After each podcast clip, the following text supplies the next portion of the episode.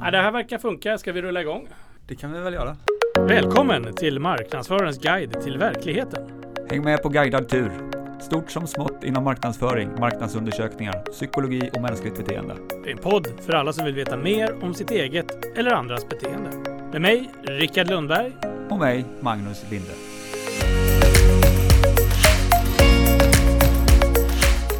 Vi sitter här igen på Clarion Sign Hotel i Stockholms city. Eh, hösten bjuder på en fin dag idag. Och vad är det för väder? Det är gött väder. Det är bra väder. Ja, det, det är inte Göteborg-väder. Det är, förlåt mig, det är väldigt bra väder. Ja, det är en krispig höstdag. Ja. Det börjar bli lite kyligare ute men eh, Ja, och du, och du som lyssnar på det här eh, kanske till och med sitter med en liten bakelse dagen till ära i, i, i famnen då. Eftersom att det är, apropå Göteborg, Gustav Adolfsdagen idag då, Ja. när det här sänds. Och vilken Adolf är det då? den andra Ja, som dog som stupade 1632 den 6 november ja, i slaget. i Lützen.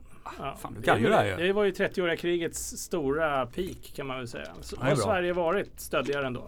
Eh, Timmarna innan han stöp. Nej, det var väl då som det var som bäst. Eller ja, Ja, bäst kanske. bäst. Det beror på vem du frågar. störst i alla fall. När jag frågar man an- andra delar av Europa så tyckte de att det var Ja. veritabla svin på den tiden. De som satt och gned på ekstockarna till båtarna var nog inte heller helt... Ja, Ja, ja. ja. Det var det om det. Det är det. Men det, Det var, det är inte det vi ska det är prata inte om bara idag. historia vi pratar om utan även framtiden. Vi har eh, en gäst här idag i studion. Vi har ju som, det. som både du och jag är väldigt nyfikna på tror jag. Som eh, har någonting att berätta för oss. Ja, ett jättespännande ämne ska vi prata Ja. om idag. Definitivt sånt som är, det är ju nutid men det är också lite framtid. Ja, Eh, och säkert sånt som eh, kommer att öka i betydelse. ja. Vi drar väl inte på det här Nej. va? Vi, vi välkomnar in Ja. Niklas Gustafsson. välkommen!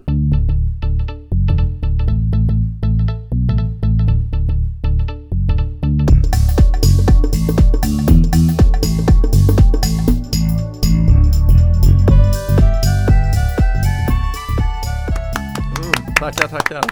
Välkommen hit. Ja, fantastiskt kul att få, få delta i eran podd. Vad Ja, vad kul att du ville Mm. delta i våran podd. Ja, Du får berätta lite själv om dig själv och din bakgrund och så här tror jag. Vi börjar där. Ja, ja eh, min bakgrund är, jag har väl hållit på sedan eh, 98, 99 någon gång med egentligen så med e-postmarknadsföring och eh, var väl det som det började med. Mm. Drev webbyrå, eh, sålde 2005 tror jag det var.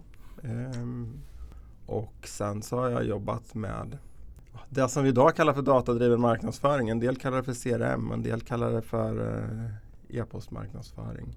Eh, ja, det var väl mycket där det var då. mm. Eh, Okej. Men, men eh, digital marknadsföring och eh, det är väl det jag har hållit på med. Och senaste åren så har vi väl paketerat det här mer i, i ett eh, tydligare koncept. Jag har jobbat mycket som konsult. Eh, nu kommer jag direkt in på när ni frågar om min bakgrund. Jag tog för givet att det var min yrkesmässiga bakgrund.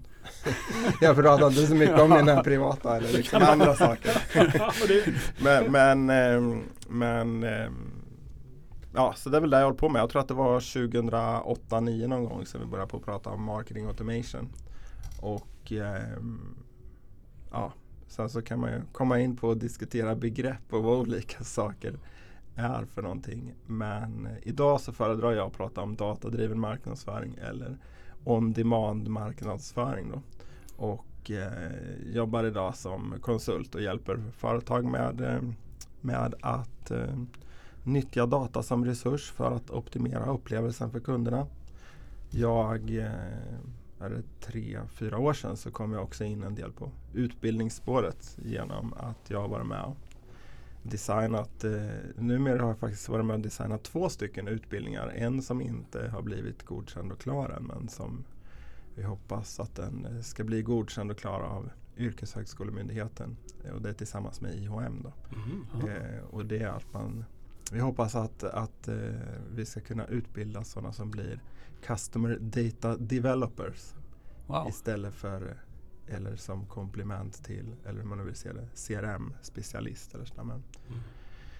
Så att jag har väl eh, en halv fot, jag kanske ligger på 30-40% av min tid som jag jobbar med kompetensförsörjning och kompetensutveckling och eh, eh, resterande tid då så hjälper jag företag och organisationer med, med strategiska frågor och, och en hel del operativt blir det också. Eh, just kring att, att jobba med datadriven marknadsföring. Spännande! Ja, så det var väl en eh, längre utläggning kanske Ja, om min så. bakgrund. Ja, det var en ganska kort sammanfattning om vi började 98. Det är ju ändå bit över 20 år. Så det, Ja, precis. Men det är väl liksom hela tiden de här sakerna som man har frustrerats lite över. just det. Eh, Och du är, du är lite frustrerad över det här. Är, är det, du har skrivit en bok också som heter just On Demand marknadsföring. Ja, precis. Var det för att du var frustrerad att folk inte fattade eller vad? Ja, vad- det var det korta svaret. Nej men, men det är klart att eh, det kan kännas väldigt förlegat tycker jag på ett sätt med en bok. Eh, för den eh, går så otroligt snabbt.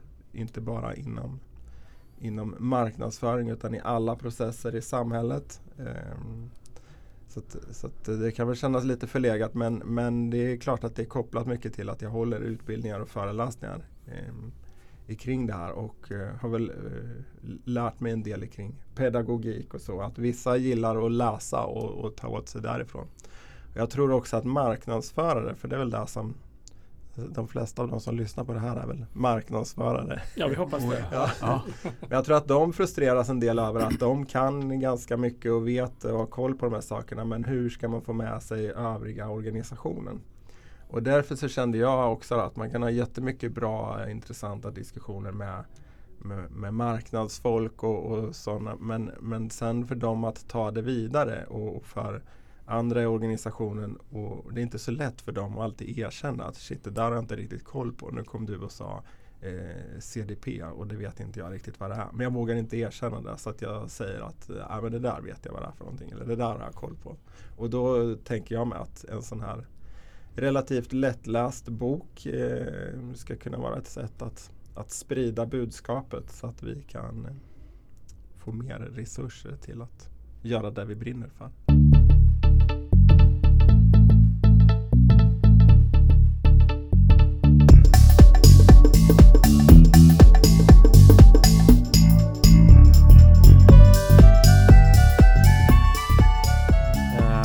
Du, du var inne på det här med marknadsförare internt i organisationen. En, en grej som är intressant tycker jag som du skrev i boken är att traditionella modeller gäller inte längre. Eh, Mm. Kan, du, kan du utveckla det lite grann? Så här, för, för, de, för alla gamla stofiler i marknadsföringsvärlden som gillar böcker. Ja, ställ mig upp mot väggen om ni vill. Nej då. Ja, jag, jag har ju ehm, jag, jag tror att det är så här att ehm, på universitet och liknande liksom, lärosäten eller den, vad får säga, den gamla skolan med Kotler och Aida och sådana här modeller eh, funkade jättebra när eh, tillvaron såg ut som den gjorde för ja, igår och tidigare. Eller om man då säger före år 2000 kanske. Men det där Mm. blir en gråzon mellan år 2000 och igår. så, så därför så blir det så här, fram tills igår så kanske sådana modeller fungerar. Men från och med idag och framåt så, så behöver de sannolikt eh, kompletteras med helt andra modeller och metoder. Eh, och det beror ju, tror jag, på att konsumenter har ett sånt eh, annorlunda sätt att mm, bete sig. Eller det finns helt andra möjligheter också för marknadsförare idag. Eh, konkurrensen är hel, alltså konkurrensen är global. Det är lika enkelt för mig att köpa en cykel från Tyskland som att köpa en cykel från den lokala cykelhandlaren Mm på liksom 80-90-talet när jag är uppväxt då, då var ju liksom eh, min kompis Marcus, det var ju hans pappa som var cykelhandlaren i Örebro. Alla gick dit, det fanns väl tre, fyra cykelaffärer. Det var dit man gick och köpte en cykel. Ehm, men idag så funkar det inte riktigt så. Man, man liksom ehm, man har vant sig vid att köpa en cykel eller kanske cykeldelar från olika håll i världen. Och, och liksom, man kan lika gärna beställa en cykel från Alibaba för att folk började med att handla något litet billigt och så handla dyrare och dyrare och dyrare saker. Ehm, jag tror inte heller att den här tratten och AIDA-modeller och, och Kotler-modeller, om det nu får representera den Den de traditionella modellerna. Ehm, det funkar inte när vi har så extremt mycket information. Och så extrem, vi har liksom en hel digital värld av information om hur kunderna beter sig att tillgå och, och konkurrensen även för cykelhandeln har då blivit glo global. Mm. Ehm, och därför så tänker jag att, att eh, vi måste göra på ett annat sätt än vad vi gjorde igår. Ehm, Ja. och, och, och det är väl där lite grann också då man kommer in på eh, vad, varför, vad, vad är det för skillnad på, en, på kundresan och en tratt? Eller är det samma sak? En del vill ju hävda att det är samma sak, bara det att eh, kundresan är en åtta eller hur man nu... Man kan liksom ha en kundresa i en tratt också. Jag håller inte riktigt med om det. Nej, just det. Du har ett helt kapitel som handlar om kundre kundresan i analysen tror jag du skriver va? Ja, precis. Eller kundresan i relationen och tratten i transaktionen, så var det. Ja. Och om vi säger att eh, alla människor, eller alla säger liksom att det är viktigt med relation. Särskilt nu när Amazon kommer och drar in ännu mer i Sverige. Då blir det viktigt. Hur, hur ska liksom företagen i Sverige kunna konkurrera med Amazon?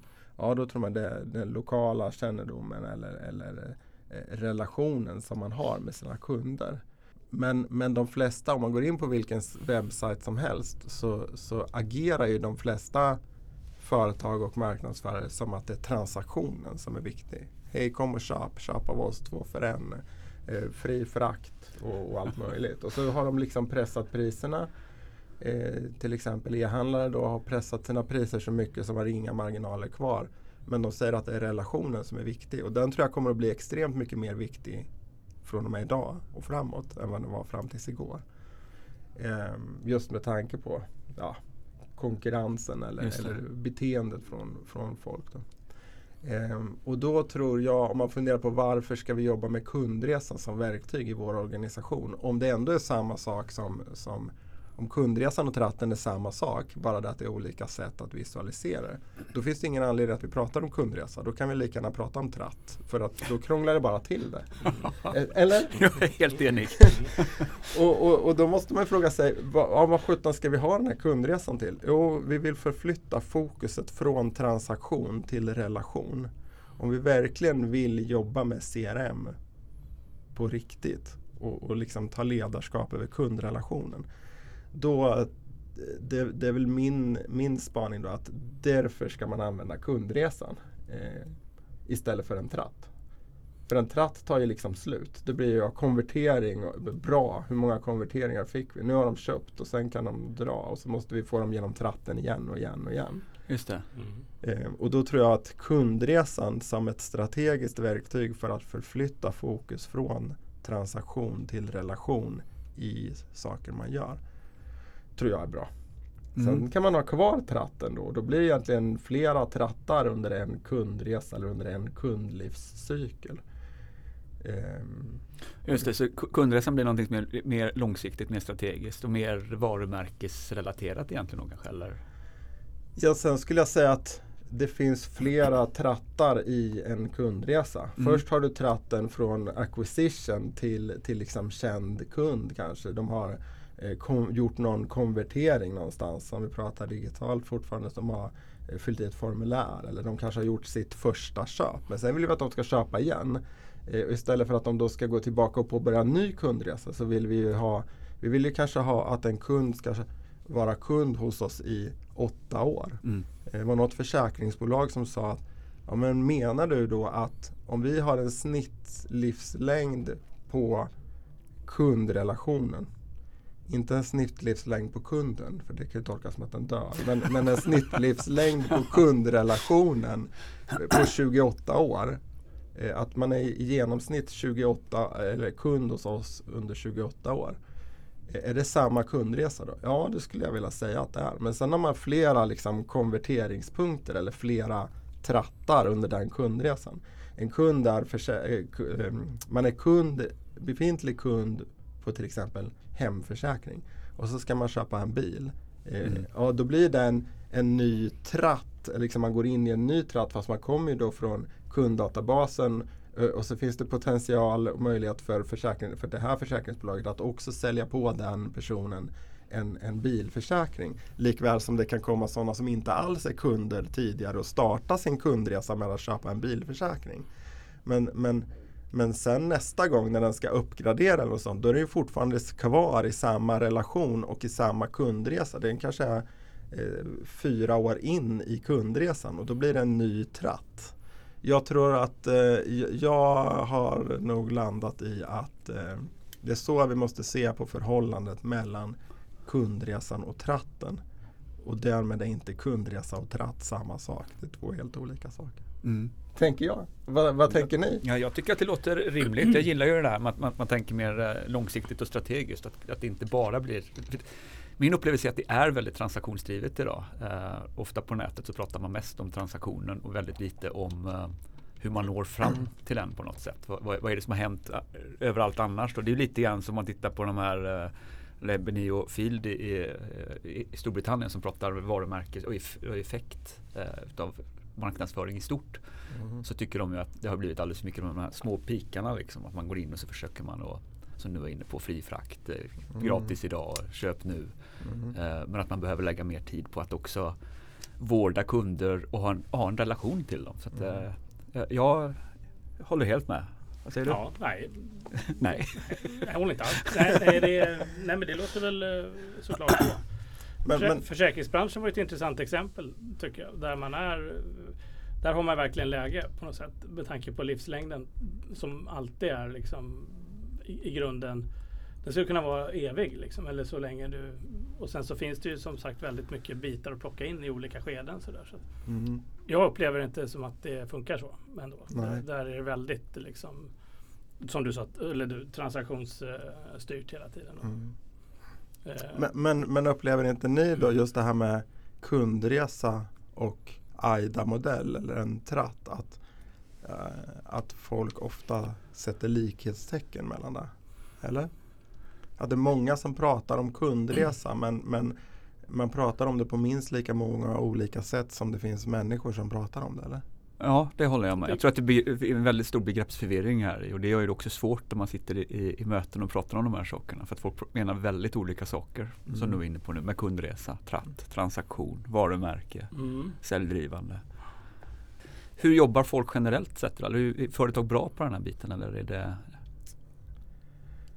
så det är alltid svårt att förenkla, eller generalisera men vad, vad är din bild utav men jag vet inte om det är så här med alla nya modeller eller med liksom begreppsförvirringar och allting sånt så måste det väl Det måste väl gå ett tag innan en, en bransch eller innan, innan saker och ting landar i så att man har hyggligt lika syn på vad saker och ting är för någonting. Mm. AIDA-modellen och TRAT, det vet alla egentligen vad det är och vi har hyggligt lika syn på vad det är för någonting. För det har funnits med ganska länge och, och det är liksom ganska grundläggande. Men kundresan, det kanske man har pratat om länge men det, jag, jag tror att det är först nu senaste åren upplever jag som, som det verkligen, ja, men alla pratar om kundresan men man gör det på väldigt många olika sätt. Även inom samma företag. Eh, så, att, så att jag har jag har nog svårt egentligen att svara på generellt sådär vad eh, det finns en del som är jätteduktiga på att jobba med kundresa och, och eh, så men, men jag tror egentligen att det är lite frågan om varifrån det drivs också. Jag, eh, man, man, kan ju man kan fundera på om det är en marknadsfråga. Eller mm. om det, och, och, och Eh, man kan röra till det här mycket som helst. Ni får klippa sen. Men, men man kan fundera på vad marknadsföring är också. För det tror inte jag är samma syn. Om du går, jag brukar säga det ibland att om, om, vi, om vi frågar säljarna vad är marknadsföring för dem och vad är marknadsföring för oss på marknadsavdelningen. För det är oftast, oftast dem jag sitter med. Och vad är marknadsföring för ledningsgruppen? Så, så, så är det ofta helt olika saker. Ja. Vi träffade ju en eh, en herre en gång som kallade marknadsavdelningen för glass och ballonggänget. Ja precis, ja. han sa det. Ja. ja. det där är glass och ballonggänget som håller på. Ja, ja det, det behöver vi inte prata om i det här mötet. Nej. sa han då. Nej. Sånt behöver vi inte prata om här. Nej, nej men det, det, finns ju många liknelser. Vi hade någon annan med i podden som, som sa att eh, marknadsföring är, han var en gammal officer, därav liknelsen. Han sa att han, han liknade marknadsföringen vid artilleriet och eh, försäljningen var infan, infanteriet. infanteriet. Så att, så att, det finns väl många liknelser på det här. Och det, mm. det bidrar väl till att det blir en, en förvirring, antar jag. Men jag tror att liksom eh, som svar på då om, man, om hur bra företag är och, och jobba med det så tror jag att om man bara skulle ägna några timmar åt att bottna i definitionerna inom företaget och, och, och verkligen reda ut, okej okay, vi som sitter runt bordet nu, vad menar vi med det här och vad ska vi ha det till? Va, vad menar vi med CRM och vad ska vi ha det till? Eh, menar vi samma sak? Mm. Just det. Och, och, och, det spelar ingen roll om man det kan ju heta vad som helst, bara man enas om i organisationen vad man menar med det och vad det är för. Ja, där har vi också roliga exempel från våran eh, bakgrund när vi skulle implementera CRM. Men det är också en annan historia. Men där kändes det inte riktigt som att vi var eh, alla på företaget var eniga om varför vi skulle ha ett CRM-system. Så att eh, för våran del så var det väldigt olika. Allt ifrån att kunna ha en proaktiv liksom, och vårdande och så vidare och förståelse för var kunderna befinner sig någonstans till ren ja, kunddatabas bara. Liksom. Men, det där förekommer ju fortfarande. Jag jobbade med ett bolag för förra hösten.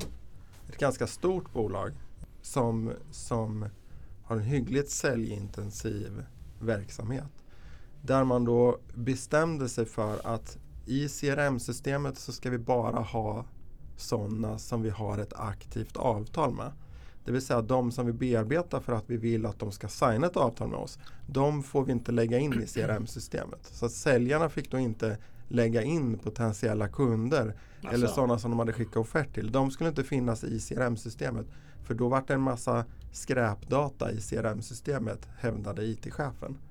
IT-chefen ja. ja precis, men det var IT-chefen ja. som hade varit ansvarig för liksom implementeringen av det nya CRM-systemet. Ja. Och, och det vill man ju inte ha liksom konstig data utan det ska vara ordning och reda. Så därför så hade man bestämt och köpt den. Och, och då satt ju säljarna där och vad, vad, vad, vart ska vi göra av dem? Ska vi ha dem i Excel eller vart ska vi ha dem? Ja, det verkar ju dumt. mm.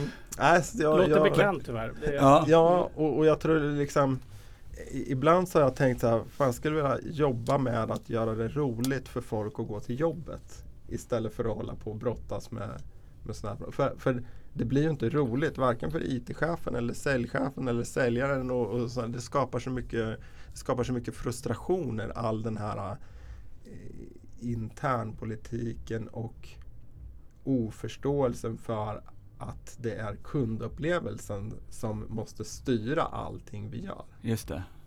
Tänker jag. Mm -hmm. Men är, är, det lätt, är det lätt så att det blir liksom tekniken som tar överhanden eftersom tekniken ändå ställer vissa krav på att man förstår den?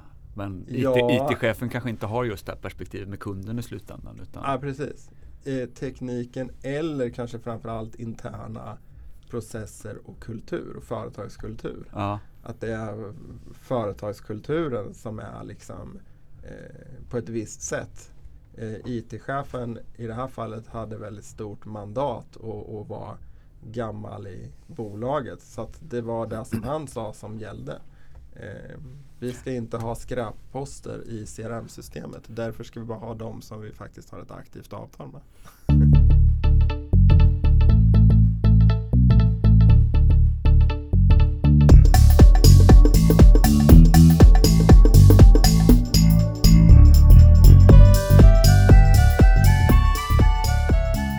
Ja, teknik verkar du inte råda någon brist på. Du har med en ganska rolig bild i boken. Den tar upp ett helt uppslag på ja. plattformsfamiljerna. 8000 system tror jag. Ja, precis. Och Vilka behöver man? Scott Brinkers eh, Martech eh, Landscape som han sammanställer varje år på. Den finns ju på martech5000.com eh, man kan gå in och, och botanisera den där.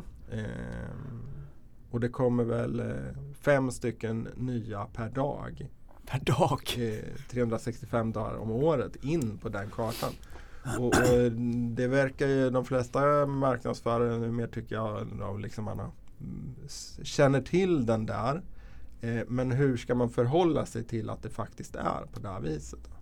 Och det tror jag att man behöver då organisationer, både IT och marknad tillsammans kanske behöver eh, bestämma sig. Ja, men det här kvartalet fokuserar vi på CRM-boxen eller det här kvartalet fokuserar vi på influencer marketing eh, boxen i Martech-kartan så att man liksom eh, ja, kan jobba med och utveckla och och, och göra det på ett nyfiket sätt istället för att någon blir någon form av gatekeeper som, som ska försvara sina positioner och inte vill ha oreda i databasen.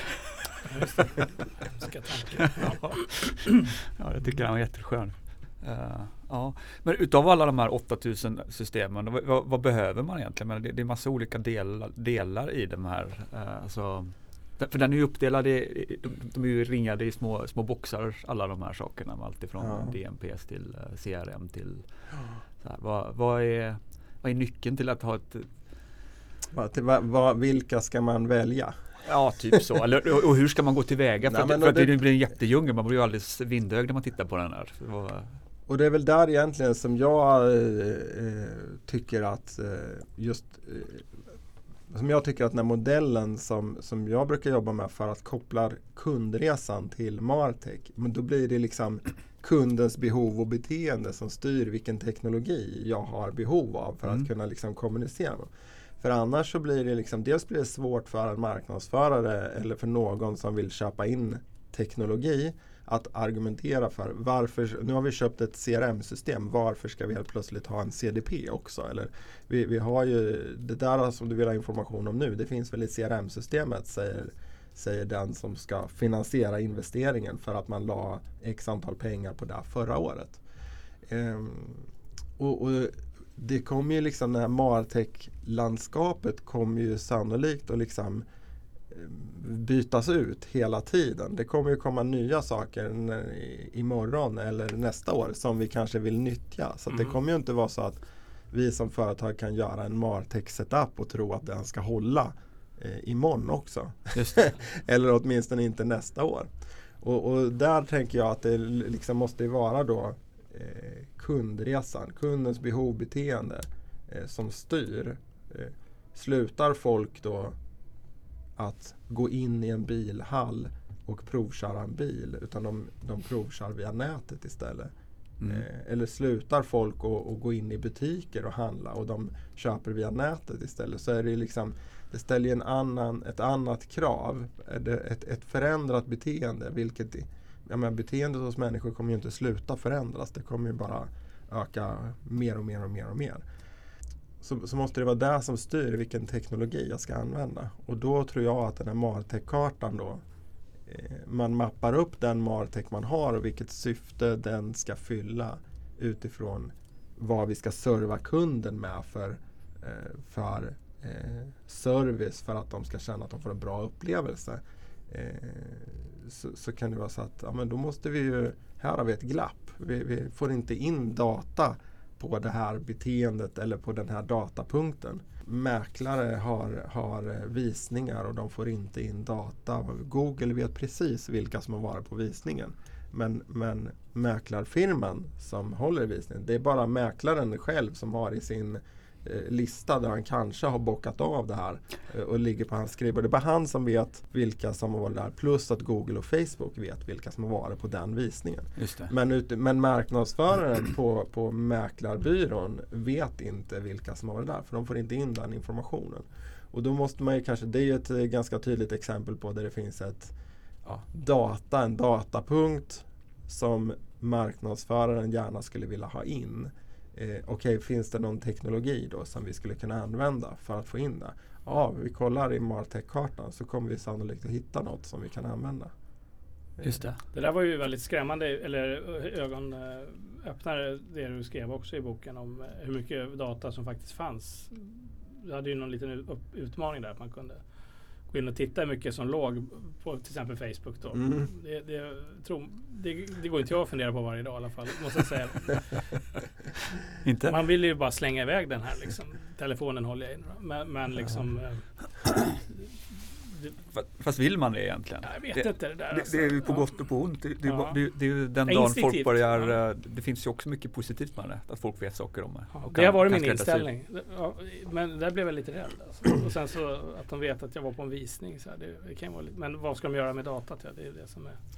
Ja, nej, det de gör det är de, de säljer den. Alltså Mm. Google säljer den. De vet att du var på den visningen och så är det någon annan mäklarfirma som bjuder högt för att få displaya annonser gentemot dig och då vet Mm. Google att du är sannolikt intresserad av det här.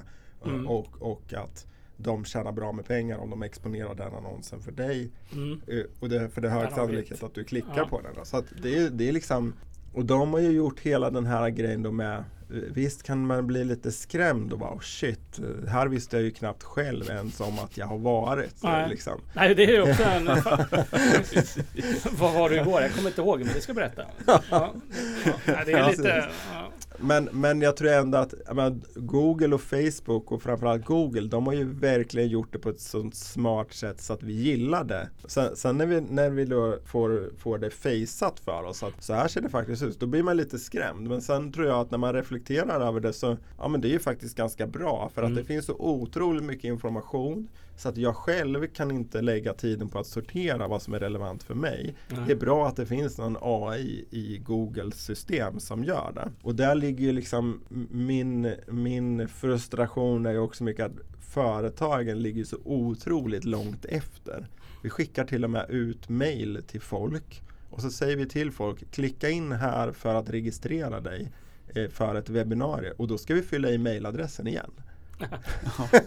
Det är ungefär som att ringa till någon och fråga vad du har för telefonnummer. Det är faktiskt sant. Den borde egentligen bara uppdatera min kalender med att, Ja, precis. Jo, men det, det har ju tagit sig.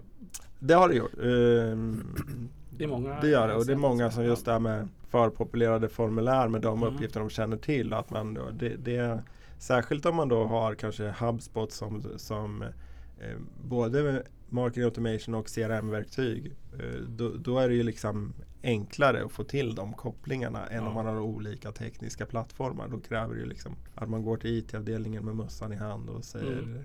kan vi få hjälp Vi lovar att inte ha några skräpposter. Ingen skräp. Ingen skräpdata, vi lovar.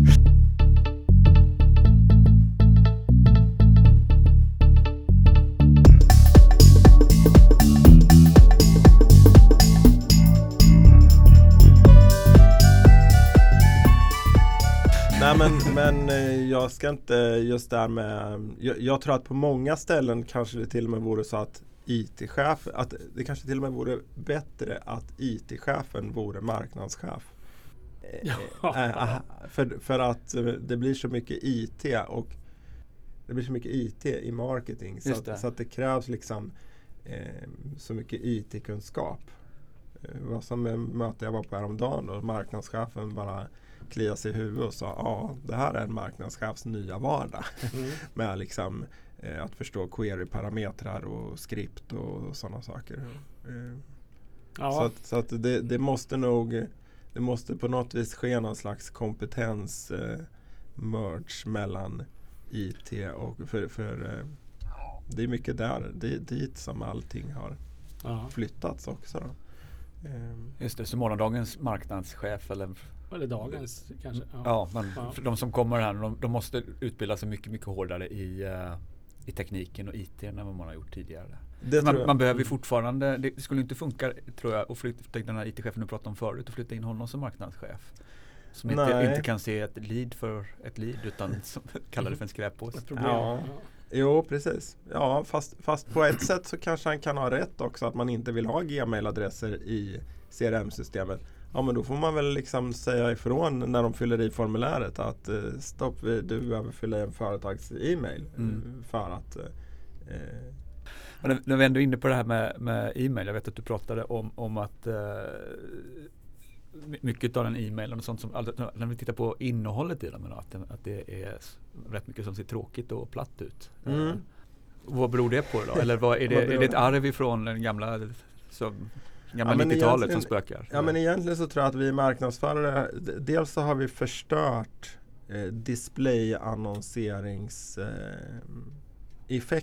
genom att vi har gjort ganska mycket fel. Vi har bara spridit ut det där vi har pratat transaktion och vi har inte stängt av displayannonseringen och den kampanjen för de som nyss har köpt. Vi säger fortfarande att eh, Ja, köp det här, det här. Ja, men jag köpte ju igår. Ja. Jag, jag, ehm, jag beställde för några veckor sedan så beställde jag en ny diskmaskin.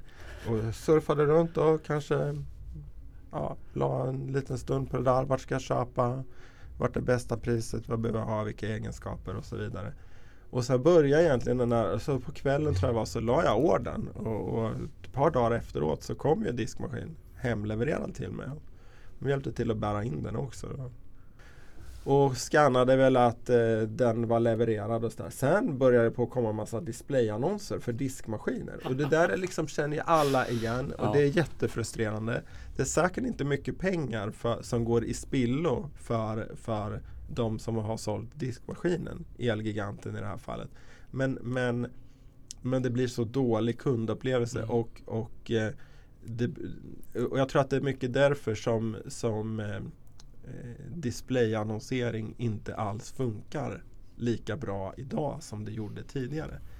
Och det är lite samma med e-post marknadsföring. Eh, och om marketing automation kommer lite grann från e-postmarknadsföringshållet så, så ehm, får ju marketing automation processerna lite ta stryk för det här då att eh, man har hållit på och skickat ut nyhetsbrev och irrelevant information och skickat, man har gjort julkalendrar var det någon marknadsförare som kom på, att, eh, i, i, särskilt inom e-handel att nu ska vi skicka ut eh, nedräkning eh, 24 dagar till, eh, till Mm. julafton och det vart bara spam och allt möjligt. så. Mm. Så att eh, det blir ganska eh, Folk har ju tröttnat på det där. Gmail och alla har blivit bättre på att sortera bort sånt Mm. som inte är relevant. Eh, och där tror jag att vi får passa oss en del för, för att, att fortsätta med det. Vi måste liksom ha relevansen och, och nu är ju liksom TikTok och Reels och Instagram stories och sånt är så mycket, det är så mycket roligare kommunikation där än vad det är på ett företags webbplats eller i dess e- e-postmarknadsföring. Så att man hänger ju mycket hellre där och kollar. Och, och de vill ju liksom bygga in konverteringarna i de plattformarna. Vilket gör att vi sitter och producerar en massa grejer på en tråkig webbplats dit inte kunderna kommer. Mm. För det är samma sak med webbplatsen. Den är också så, den är de är ju väldigt platta och tråkiga också i förhållande till då och det är väl kanske TikTok och, och det som har gjort att vi har en helt annan eh, det blir lite mer snappy Ja. kommunikation eh, i det och folk har vant sig med ett helt annat sätt än eh, gå in på en hemsida och se en massa tråkiga stillbilder på någonting. Men TikTok säger du. Är, är du på TikTok?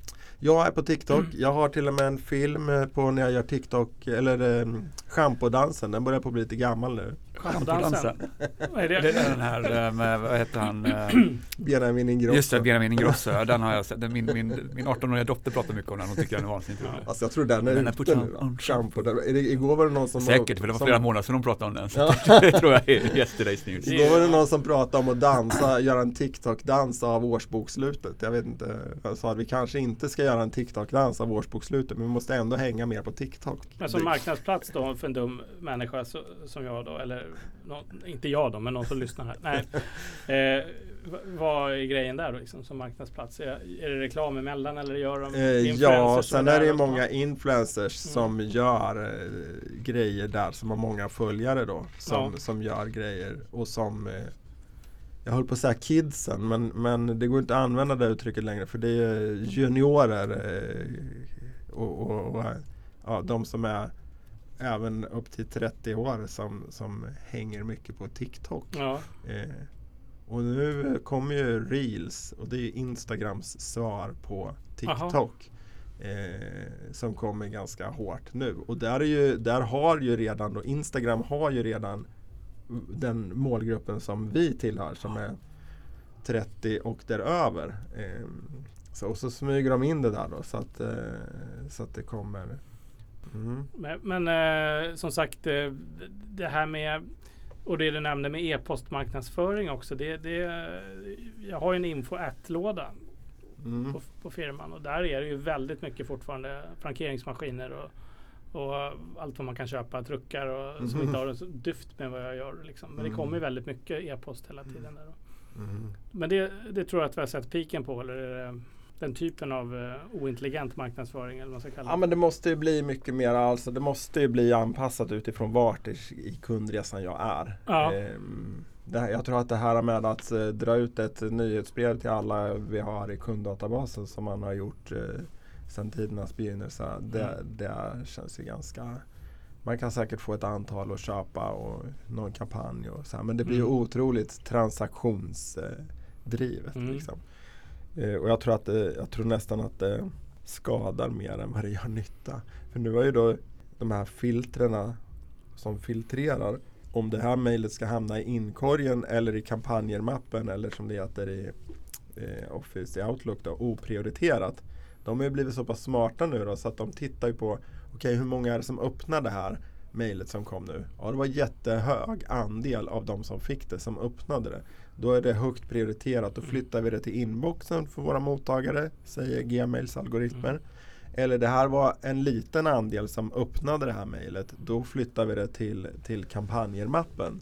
Eh, så det blir ju, just för att nå fram eh, så blir det ju viktigare att ha hög open rate än att det är många som får det. Mm. För då, då lär man ju Googles och Outlooks eller de här algoritmerna som då prioriterar mejlen som kommer. Då, då lär man ju dem i att våra mejl är bra innehåll. Mm. Eh, användarna gillar vårt innehåll så då kommer ju fler och fler att flyttas till prioriterat in, inboxen. Så därför så tror jag att det kan skada väldigt mycket mer att bara dra ut mejl som inte är relevanta som inte, än, än vad det gör nu.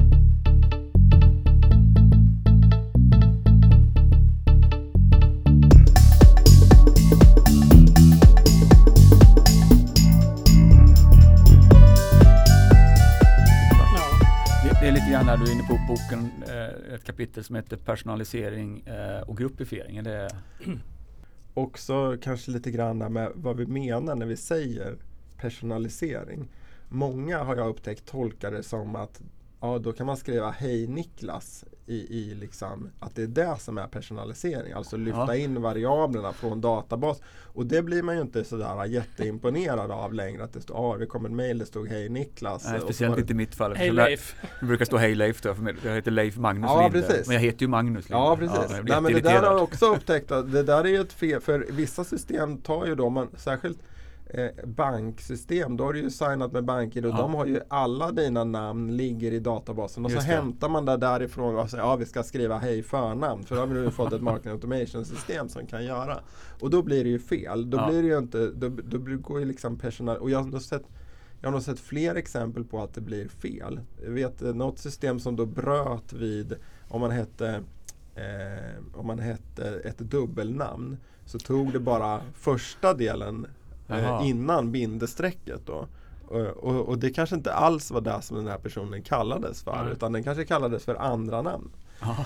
Eh, och jag tror också då att vi möter på, vi marknadsförare möter på lite motstånd när vi pratar om, om personalisering med andra för då tolkar man det som just det här. Alltså man kan lyfta in variabel eller liksom ett fält från databasen med förnamn eller vi kan till och med visa vilken adress du har. Eller så. Och, och därför så bör vi kanske prata, för det är inte så vi menar. Det är inte så jag menar i alla fall när jag pratar om personalisering. Utan jag menar mer eh, ja, prata relevant eh, information och kanske innehållsblocken. Att de är anpassade utifrån mig som person. Då. Just det. Eh, Okej, okay, jag har nyss eh, bokat en resa Eh, och då kommer inte det här nyhetsbrevet som går ut till alla till mig utan då kommer ja, tre artiklar vara samma som det som går ut till alla. Men den översta artikeln kanske handlade om att tänka på inför din resa. Mm. Eh, så det är nog, det, det, är liksom, jag tror, jag tror att vi behöver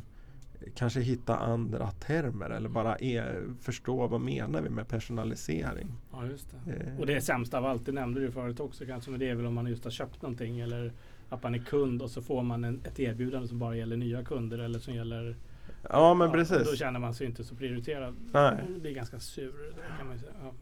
ja nej, men då, det, jag är helt med då. Det, och det är det som du kallar för är det det som kallas för gruppifiering då när, när man tänker mer utifrån kundens Ja, och det kanske är där vi måste faser. prata om istället för personalisering. Ja. För om, om vi med personalisering menar Hej Niklas, då är det ju fel. För det är inte det vi menar egentligen. Utan vi det känns inte jättepersonligt. Nej. nej, utan vi menar ju mer liksom, jag, jag brukar säga att det ska ju vara mer innehåll som användarna då kanske inte, de, kanske, de, de ska reagera så här bara, ja oh, men shit, här kom det ett nyhetsbrev och det råkade handla om sånt som var relevant för just mig. Mm. Eh, eller nu gick jag in på webbplatsen för det här företagets webbplats och det råkade vara precis den översta puffen på sajten råkade vara relevant för just mig. Det var inte det att det står Hej Niklas utan det råkade vara relevant innehåll precis utifrån vad jag hade för frågeställning och för mindset just nu. Jag kände inte till det här bolaget tidigare. Jag kom in här för första gången. Då står det någonting. Jag kände till det här bolaget och jag har handlat av dem fyra gånger. Då står det något annat där. Mm. Men då vet ju inte användaren riktigt om det är liksom Alltså man får ju bara den här, ja ah, men shit de här har koll på liksom vad, vad jag hade för fundering Ja. just nu. Ehm, och det är väl det som jag menar med att vi, vi kanske måste prata om att för personalisering, det blir ju inte vi, vi kanske måste prata om istället att gruppifiera kommunikationen. För vi pratar ju egentligen inte till en individ utan vi pratar till en grupp av människor som befinner sig på ett visst ställe i kundresan Mm. eh, och har vissa typer av utmaningar och vissa typer av frågeställningar som de vill ha hjälp av det här potentiella leverantören med att, att lösa. Och det är ju flera stycken, det är inte bara en som är där. Och därför blir det en groupie eller en gruppifiering. En gruppifiering. Grupp, Ja. ja. Men bra ord, gruppifiering. Jag, jag gillar det och, det, och det, är- det är ju också mycket mer relevant än, än att någon skulle kalla mig för, för Magnus eller Leif. det är det. Jag, tänk, jag tänker Ja. bara spontant, nu, äh, livsmedelsbutikerna, de här stora kedjorna har jobbat ganska bra med det. De, där tycker jag ändå att de, det, de, här, de nyhetsbreven som går ut om man är med i ICA och Coop-klubbarna och allt sånt där, så brukar det ju ofta vara på, de har erbjudanden på varor som, som de vet att jag brukar köpa i alla fall. Ja, Och jag får inte extra pris på fläskfilé för att jag, de vet att jag inte äter kött. Har de lärt sig vid det här laget och sådär. Så ja.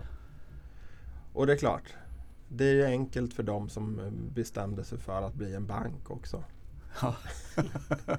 Då får de in all eh, information från korttransaktioner eller liksom eh, och de som har sådana enorma volymer så att de kan, kan liksom bygga algoritmer på Mm. den informationen. Men, men, eh, så det är ju ett klockrent exempel på, på hur man vill göra. Sen så eh, Sen tror jag att alla de där också kämpar en del med utmaningar att få ihop den digitala eh, aktiviteten med kundresa. Men för en ren e-handlare är det väldigt enkelt att få. De får ju all transaktion från e-handelssystemet och Mm. så ihopkopplat med, med liksom digitalt. Medan för en retailer eller någon som driver butik så, där, så, så blir det ju då okej, vi måste vi, i, i det vi har kallat för CRM-system så ska vi inte bara ha köphistorik och, och potentiella kunder utan vi måste ju ha vi måste få koppling till online-beteendedatan också.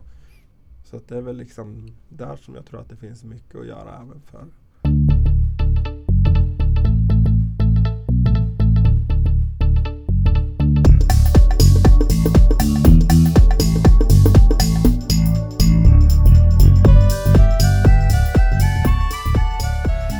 ser det ut framåt nu då? Det, är- det här ett av de stora områdena där, där vi kommer att se en utveckling? På att att uh, gå ifrån att personal, personalisering handlar om att, att jag vet att uh, du heter Niklas till att jobba med det här smartare? Eller vad, vad är det för stora trender som in, inom det här? För det är ju dithän vi går nu. Allting kommer ju bli mer och mer automatiserat och mer on demand och digitalt. Ja, Um jag tror jag liksom, vi var inne lite på det inledningsvis också med att vad, vad, är det, vad är det vi kan göra här och nu? Många om man pratar om AI eller man går på seminarier om, om olika saker så känns det som det ligger väldigt långt fram och det blir liksom ofta ganska visionärt. Mm. Eh, och, och sen blir det svårt när man kommer hem och, och liksom eh, applicera det där på verkligheten på, på något vis. För att ja, men det, vi måste, nu måste jag lösa det här med förpopulering av fält på, på formulären först. Så innan jag kan ta tag i AI. eh, men jag tror att nog att eh, marknadsförare måste mm, se annorlunda på hela den digitala kommunikationen om man inte ska tappa eh, om man inte ska tappa eh, trafiken till de större medieplattformarna. Eh, och man, man behöver nog kanske bryta bort innehåll och content från webbplatsen. Eh, och istället bara se webbplatsen som en kanal av många, många andra. Och att man då istället jobbar med, om man har en content hub eh, och så har man en hub för kunddata, alltså för kunddatan utifrån ett eh, ja, all data utifrån ett kundkortsperspektiv.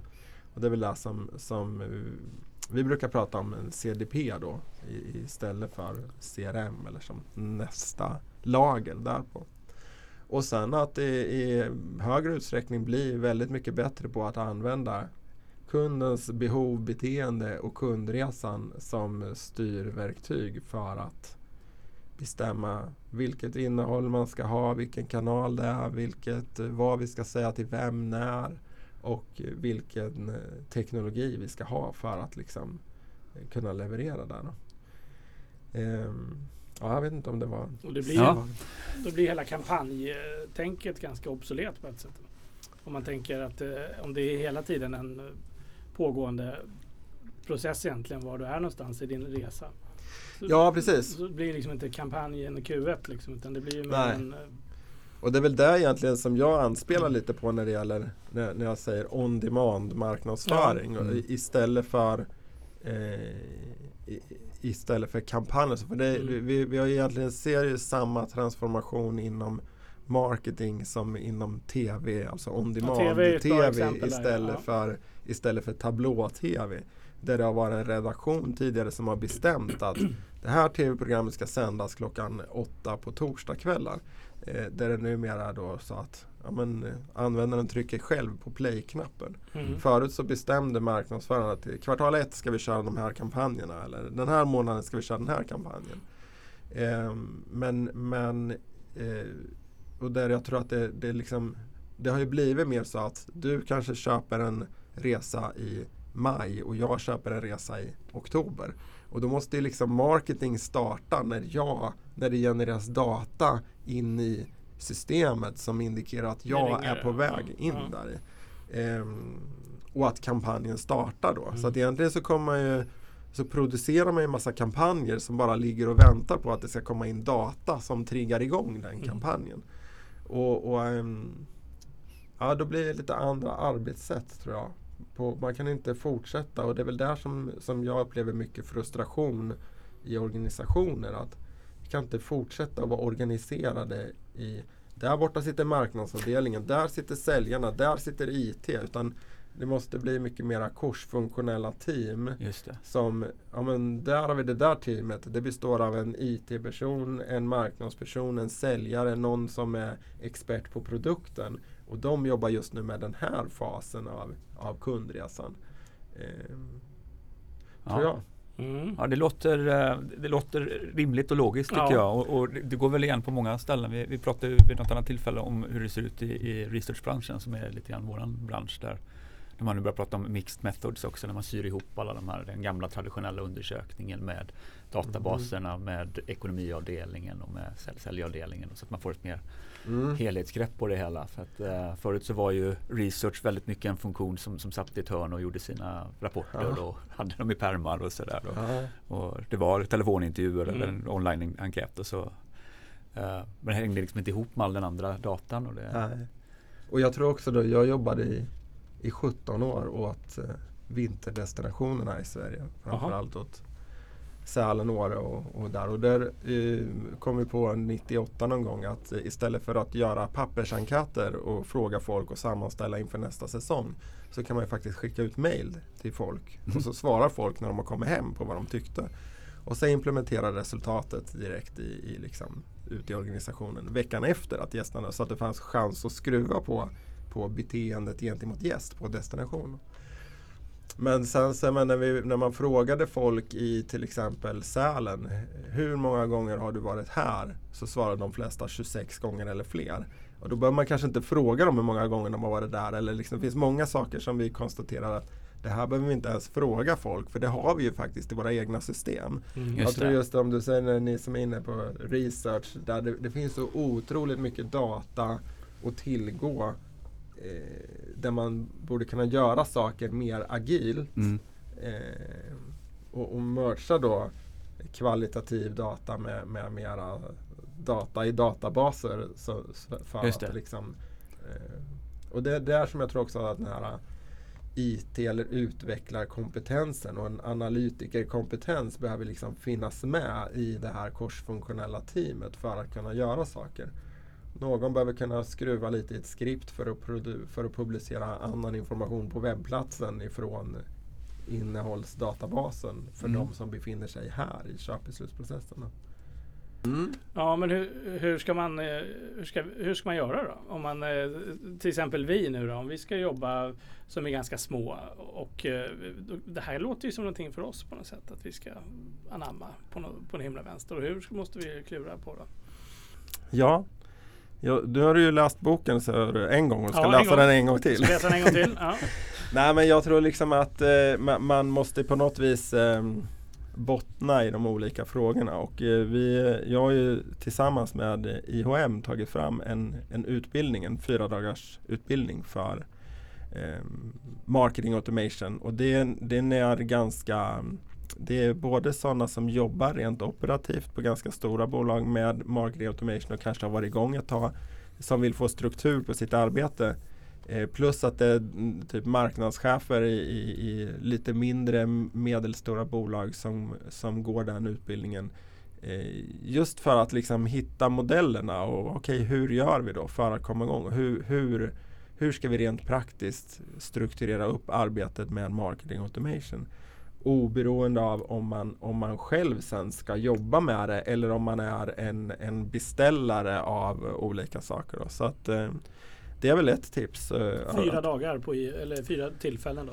Det är två plus två, eh, två plus två dagar och eh, som vi har kört nu så har det varit då eh, två dagar på plats och så har det gått tre veckor och så har det varit två dagar till på plats och eh, vi får väl se, vi, vi håller på att resonera lite om om vi ska ändra upplägget med tanke på eh, rådande omständigheter och en del företag inte får släppa iväg sin personal. Ja, och sådana Ja, så saker. Så att, ja. då kanske vi kommer lägga, mm, ja, det är inte helt klart hur det blir till våren men det kanske skulle kunna vara så att det blir eh, en dag där det finns möjlighet för de som vill att vara på plats. Men att det är ändå föreläsningar, att man ändå liksom har uppkopplat via Teams Mm. eller via, via en webbtjänst också så att man kan delta i föreläsningen hemifrån. Då. Eh, men jag tror att det är i, i ehm, januari, februari någon gång som det är i nästa kurs i Stockholm. Eh, De under hösten här är nog fullt uppbokade. Och sen så är det väl eh, någon gång februari-mars som det är i, i Göteborg. Där. Så Ja. att, ehm, Låter ju väldigt Ja, spännande. intressant. Det måste Ja, vi återkomma. Ja. jag tror liksom det är kompetensutveckling överhuvudtaget så tror jag att företag måste skapa mycket mer utrymme för. För att det går inte längre att få en kunskapsinjektion med, fram tills man är 30 år eller vad man är och sen leva på den hur länge man nu ska arbeta. Nu, nu sägs det att man ska arbeta länge och, och Ja. mitt mål är att bli 140 år gammal. Så att, eh, Ja, just så det. att, Eller Så då känns gymnasiet det? på Ja, just det. 80-talet lite avlägset eller? Men Ja. eh, det låter ju jätteintressant. Och inte bara i all ära, kursen är ju väldigt intressant. Men sen att man också gör det ihop med andra personer med olika erfarenheter med, och kan eh, ha liksom dynamik i det. Det låter ju väldigt intressant. Musik brukar vi avrunda med i, i det här programmet. Ja. Det, det kanske du har hört, jag vet inte. Ja. Är du en musikälskare? Eh, Ja, det får jag nog lov att säga tycker jag att jag är. Jag, jag har lite såhär, men det är väldigt blandat. eh, Ibland kanske lite ja, Dels är det väl i, i grund och botten så är det naturligtvis Bruce Springsteen. Jaha, Ja. naturligtvis. Ja. Ja, det är självklart. Ja. Och sen finns det väl mycket annat som jag lyssnar på där med. Allt ifrån pop till jazz och Ja. musikalmusik. Tor. Ja, okej. Men Springsteen har ju precis släppt nytt också, eller nu i höst. här, Så att det, Ja, jag har lite svårt. Jag har kollat på det här som han gjorde på Netflix också. Jag har lite eh, svårt för det här eh, senaste ja. han har gjort. Ehm, Men det är ju, det är ganska, det är ju rätt likt ändå. Jo, det ligger det i blir- samma... Det händer inte så mycket under solen. Men man får ge honom credit för att han uh, fortsätter rocka i alla fall. Tycker ja, jag. verkligen. Men nu känner de väl att det är lite, lite, lite aktung också att göra musik tror jag. I och med valet och, Ja, och sådär. Så Precis. att, och det var lite det jag skulle ta som min låt också här. Det är bara en låt. Vad låter då? Ja, det, det, det, det är en gamla sångaren i Nada Surf som heter Matthew Caus. Tror han, jag tror han uttalar det Caus. Caves, Caus. C-A-W. Ja. Ja.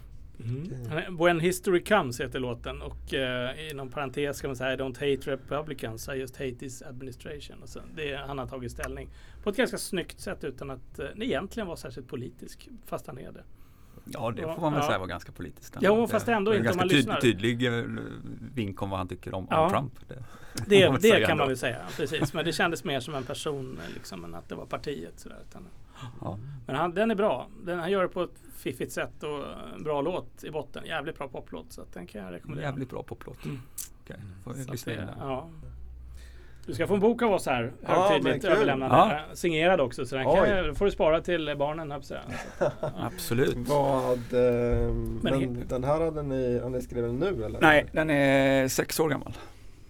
Så att Det det, är- det är dags, ja. eh, dags att göra en uppdatering på den. Det säger vi i varje avsnitt här nu, Mm. så att snart börjar pressen komma så att vi faktiskt Ja. måste göra någonting åt Ja, det. precis. Det här är till exempel... Eh, Nej, det här är ju en bok som handlar väldigt mycket om en mer traditionell eh, undersökningsprocess. Mm. Allt ifrån syfte till eh, metod eh, och analys. Analys, och, sen, och sen inte minst ja. presentation Ja. i slutet. Då, som, eh, men den behöver nog uppdateras också lite grann. Ja. Eh, det har hänt mycket sedan 2014. Mm. Oh, ja. Sen brukar vi ju alltid ha med, eh, avsluta med ett, ett, eh, boktips också.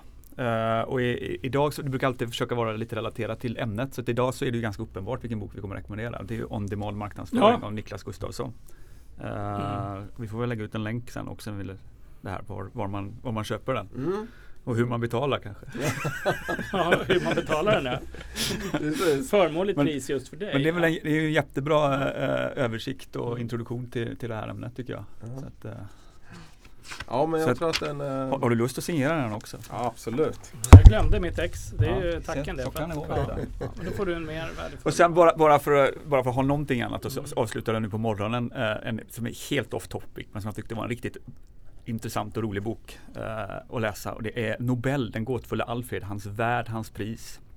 Eh, av Ingrid Carlberg.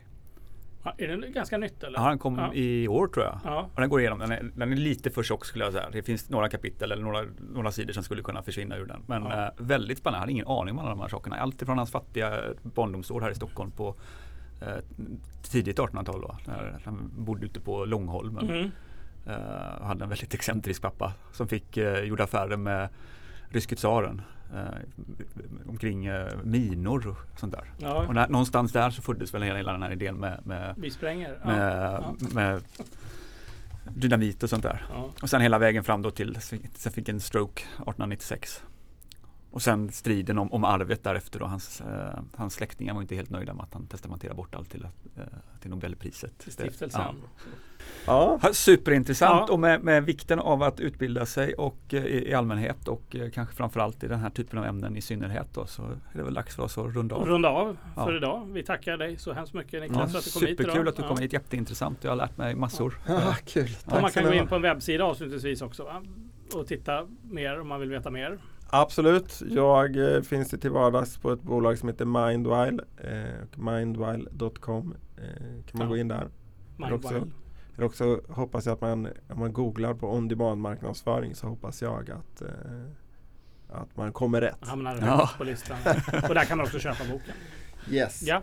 Stort tack återigen och på återhörande seende. Ja. Och eh, till lyssnarna också välkomna igen om ett par veckor och njut nu av era bakelser den stora dagen, Gustav Adolfsdagen. Slut. Hej då. Ja.